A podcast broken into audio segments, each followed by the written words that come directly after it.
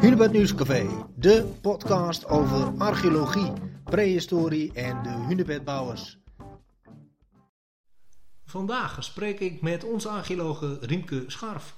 Ik spreek over het pronkstuk van het Hunebedcentrum, namelijk D27, het grootste hunebed van Nederland. Uh, het is museumweek, dus vandaar een special. Riemke, het is uh, deze week museumweek. En ja, voor het Hunebedcentrum gaat het natuurlijk dan over D27. Dat klopt, dat is uh, ons topstuk. Dus uh, ja, misschien de deuren van het museum niet allemaal open. maar ik wilde graag even wat extra aandacht besteden aan het topstuk. En het leuke is dat je die ook kan bezoeken. Ongeacht of wij dicht of open zijn, dat, dat is gewoon toegankelijk voor iedereen. Ja, dus ons topstuk is, is, is D27. Uh, ja, mensen denken vaak, oké, okay, uh, dit is het hunebed en dat stond er uh, eh, 5000 jaar geleden, maar er is een hoop meer over te vertellen. Uh, ja, dat klopt. Het is, nou ja, iedereen weet denk ik wel dat het in ieder geval het grootste hunebed van Nederland is. dat zegt niet per se dat er ook de meeste verhalen over zijn, maar er zijn er wel een flink aantal. En dat begon natuurlijk 5000 jaar geleden toen de hunebedbouwers en de, dus de mensen van de trechterbeekcultuur ja, het hunebed bouwden. Maar dat betekent niet dat in die tussentijd er niet heel veel gebeurd is. Want soms kennen ook een situatie nu dat ze nu beschermd zijn en dat je die gewoon kunt bezoeken. Maar ik dacht, uh, ja, laten we een beetje de tussenliggende fase belichten in dat opzicht. Ja, want uh, het hunebed, zoals die gebouwd is, is niet alleen gebruikt of is niet alleen van betekenis geweest voor de hunebedbouwers zelf. Uh, nee, dat, dat, klopt. En het, uh, nou ja, hoe de Hubert natuurlijk gebouwd is, is eigenlijk als een, een, zichtbaar monument in het land. Dat was toen al zo, dat dat echt wel zichtbaar was voor de mensen. Het was afgedekt met een heuvel, maar uh, dat, dat viel echt wel op. Ja. Er zijn mensen die denken dat het Hunebed zeg maar, gebruikt werd als, ja, als markering van het territorium. of als oriëntatie in het landschap. Mm -hmm. Maar dat is natuurlijk, die hele periode na is dat ook zo geweest. Al die mensen die in, die, ja, in, in Nederland of in Drenthe gewoond hebben, die hebben die hunebedden op een manier ervaren en gezien. Ja. En uh, de mensen die direct na de Trechterbekercultuur kwamen, de, bijvoorbeeld de Touwbekercultuur, de Klokbekercultuur. Nou, dat zijn mensen die ook nog wel daadwerkelijk de hunebedden gebruikt hebben, deels. Niet overal, maar er zijn hunebedden waar uh, ook ja, uh, vondsten gedaan zijn uit een andere periode van de hunebedbouwers. Dus ja, die hebben eigenlijk, sommige hunebedden zijn dus ook eigenlijk ja, daarna ook nog als graf gebruikt. Ja, exact. Um, ja, de hunebedden die zijn gewoon blijven staan. En, en, vervolgens is het leven natuurlijk daar constant uh, in de buurt uh, geweest.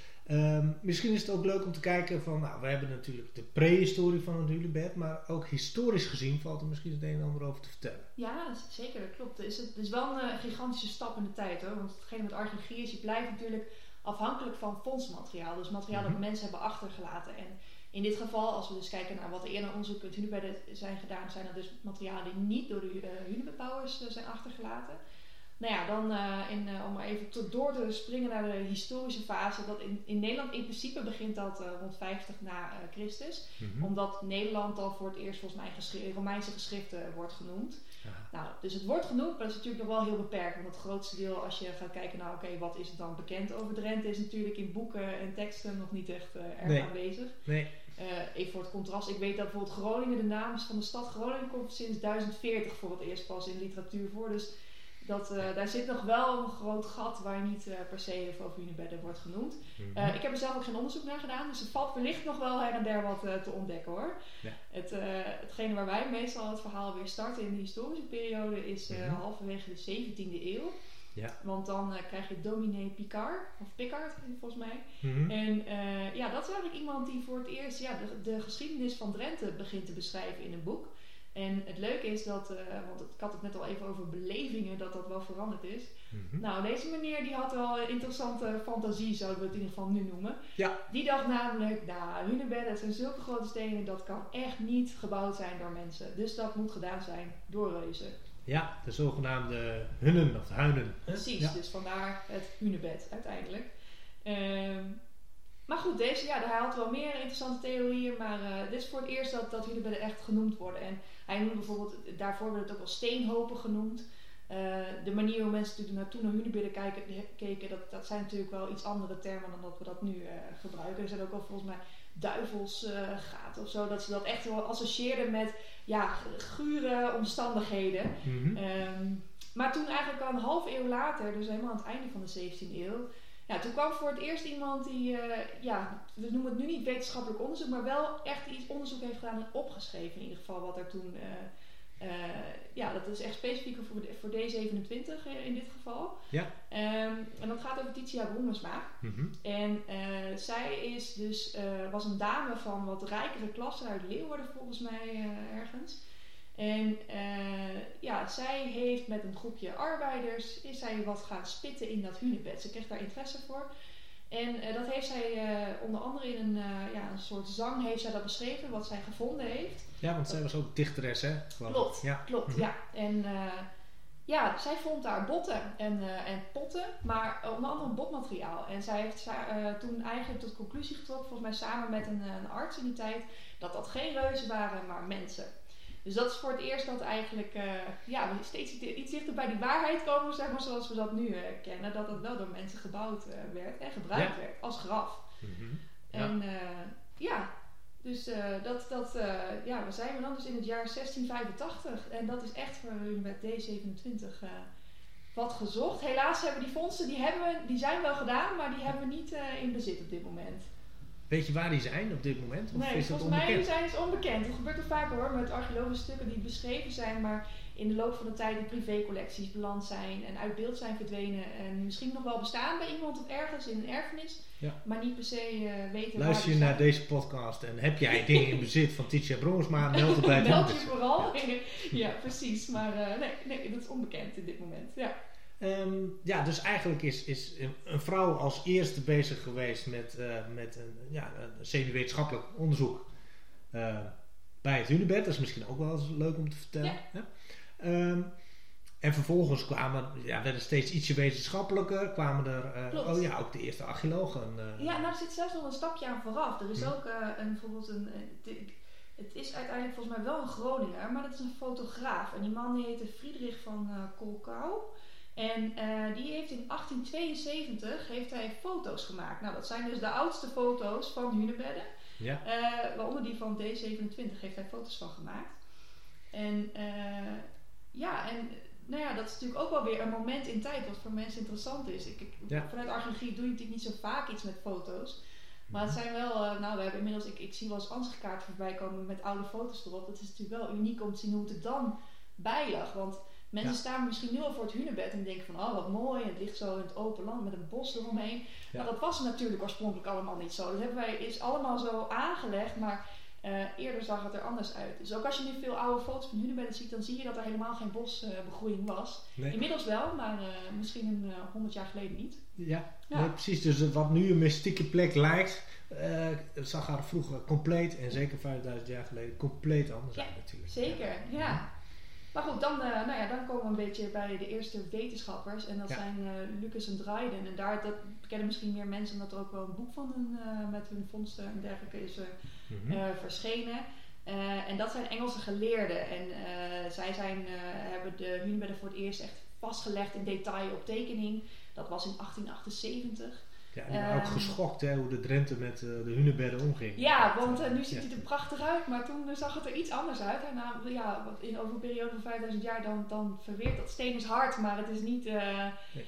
het, het kan kapot, het kan verplaatsen. Dus die zagen er iets minder mooi uit dan dat ze er nu uitzien. Ehm, zij hebben ook wat vondsten gedaan, hebben dat meegenomen naar Engeland. Dus die zijn er wel, maar niet meer bij ons. in, Het ligt ergens in Londen.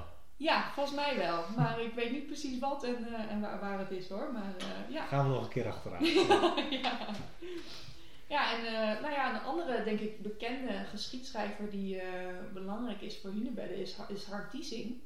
Eh, dat is een van de mensen die uitgebreid beschreven heeft over de gang van zaken in Drenthe. van hunebedden tot de stenen waar die voor gebruikt zijn, van keikloppers, noem maar Ja. op. En ja, wanneer praten we dan? Volgens mij over het begin 1900. Ehm, ja, het einde, einde van, de, van 1800, dus eh, het einde van de 19e eeuw, begin 20e eeuw. Ja. ja. Ja, en eh, nou ja, hij heeft ook wel eh, geschreven over hunebedden, welke stenen er nog zijn en hoe dat precies in elkaar zat. Ja. En, maar hij heeft daar verder geen, geen archeologisch onderzoek naar gedaan. Dat, dat komt pas weer in de tijd van Van Giffen. Nou, dat is de vader van de hunebedden, wordt hij ook wel genoemd. En dat Ja. is ook wel de eerste archeoloog die echt systematisch wetenschappelijke methoden toepaste om onder andere Hunebedden, maar ook grafheuvels op te, op te graven en daar ja, meer informatie over te verkrijgen. Ehm, daarnaast is het ook interessant, dus hij is ook degene geweest die heel veel hunebedden weer gerestaureerd heeft. Dus hoe ze er nu bij liggen, dat je kan zien hoe het in originele staat ongeveer geweest is, min dan de dekheuvel. Uh, ja, dat is, dat is hij eigenlijk geweest. Ja. Sommige hunebedden zijn ook wel een beetje samengesteld. Of omdat dan had Van Giffen een steen ergens gezien. Die, oh, die, die leggen we dan daarop. Ja. Uh, dat is niet gebeurd bij D27 geloof ik.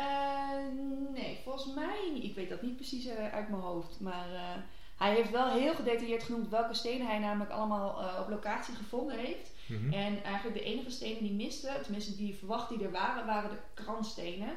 En even voor duidelijk, de, kransstenen zijn, die is eigenlijk niet onderdeel van de constructie van het hunebed zelf, maar eigenlijk het mhm. rondje aan stenen wat er omheen ligt. Sommige hunebedden hebben die, sommige niet.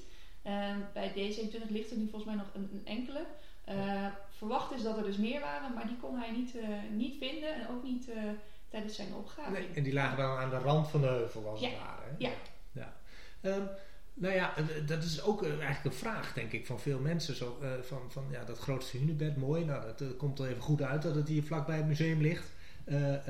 dat is vast verplaatst. Nou, dat, dat kost nog wel kracht. Hij is niet verplaatst, hij ligt hier echt. En dat geldt eigenlijk wel voor bijna alle hunebedden. Er is een enkeling die wel verplaatst is. Dat is namelijk die gevonden is in Groningen. Uh, dat is, uh, die ligt nu in het uh, Azea Aquarium bij, in Delfzijl, in een museum. Ja. ja, die, is, die is verplaatst. Mm-hmm. Maar verder, nee, ligt ze in principe allemaal op de originele locatie. Maar ze zijn dus wel aangepast. En dat kan je dus in, het, in de tekening van Lucas en Dryden en die van de Van Giffen Atlas, kan je dus mooi het verschil zien hoe die weer gerestaureerd zijn. Ja. Mooi. Ja. Um, nou, Titia Bromsma heeft dus iets opgegraven. Lucas en Dryden, zover we weten, een klein beetje, maar ook niet veel. Van Giffen niks. Nee, niet van D27 inderdaad. Klopt, ja. Nee. Um, en wie is dan de eerstvolgende die, die, die is gaan graven in... Ja, nou, dat is eigenlijk een beetje een complex verhaal. Want we hebben uiteindelijk is er, nou ja, in de uh, eind van de 19e eeuw, of eind de 1900, dus het wel, kijken. even denken. Ik moet even opzoeken wanneer dit is. Nou, vergif bedoel je? Jaren 80. Ja, ja okay. jaren 80. Uh, nou ja, dat, dat, is een beetje een complex verhaal, want uh, de staat is eigenlijk in uh, eind 1800, dus 1869, is, zijn zij eigenaar geworden van de hunebedden. En dat is met okay. idee zodat ze beschermd werden. Inmiddels is het eigendom volgens mij van de provincie en is het in beheer van het Drents landschap. Ja. Um, maar in de jaren 80 hebben we toen besloten, oké, okay, we gaan dit verder beschermen, want her en der zijn dus wel eens vergravingen geweest. Uh, we willen dus zorgen dat dit beschermd blijft om op een later moment in de toekomst ook onderzoek te doen. Zodat we dan, nou ja, inmiddels zijn dingen als uh, eh, DNA, dat was het toen allemaal bijvoorbeeld nog niet echt. Hmm. Um, nou, om het te beschermen en om dat te doen hebben ze grasbeton aangebracht in de hunebedden die nog niet onderzocht zijn. Ik zeg niet op een wetenschappelijke manier. Nou, ja. dat geldt ook voor D27. Um, maar daar is dus een laagje aarde weggehaald en die aarde is ook gezeefd. Hmm. Nou, daar, kwamen, daar komen wat dingetjes, dan kunnen daar uitkomen. En uh, toen is inderdaad in het verleden, heeft iemand daar ook wel eens, uh, een kleine jongen, uh, is daarheen geweest om te kijken van, oh wat interessant uit allemaal. Ja. En die heeft daar wat stukjes aardewerk gevonden. En mm -hmm. uiteindelijk is dat ook bij ons als gift of schenking in de museumcollectie. museum te zien. Ja, ja precies. Is een museum te, te, zien. En dat vind ik ook een heel mooi verhaal eigenlijk. En, ja, dus we hebben wel wat vondsten uit D27, maar officieel gezien is het niet opgegraven. Je zou kunnen zeggen dat het, het, het, grootste mysterie van, van, van D27 is nog wel bewaard gebleven. Ja, dat hoop ik. Ik, ben, ik, ik weet natuurlijk niet precies wat daaronder ligt. Er zijn wel onderzoeken gedaan en ook wel bodemscan uh, is, er, is er uitgevoerd om te kijken van kunnen we door de bodem zien of daar misschien uh, structuren liggen of hoe, hoe dat eruit ziet. Nou, daar zijn wel wat, uh, nou, ik, ik kan het niet per se precies lezen, dat zijn uh, geen fysica, ja. maar uh, mm -hmm. nou, wel wat aanwijzingen van oké, okay, het zou best kunnen, maar je kan dat niet, uit, ja, niet definitief zeg maar, duiden zonder het op te graven. Dus dat blijft nog een mysterie en ja. misschien ooit in de toekomst, maar voorlopig komen er nog steeds nieuwe technieken bij en bewaren we alles in situ, zoals dat heet. Perfect. Dankjewel. Alsjeblieft. Denk ik. Ja, dat was wel een beetje. Ja, toch? Even zitten, een klein stukje knippen. Oh, nou je. Dit was alweer een podcast van het Hunebed Nieuwscafé. Meer weten? Kijk dan op hunebednieuwscafé.nl voor meer podcast en meer achtergrondartikelen. Heb je een vraag? Mail dan naar gklokmaker.hunebedcentrum.nl Blijf op de hoogte en luister mee in het Hunebed Nieuwscafé.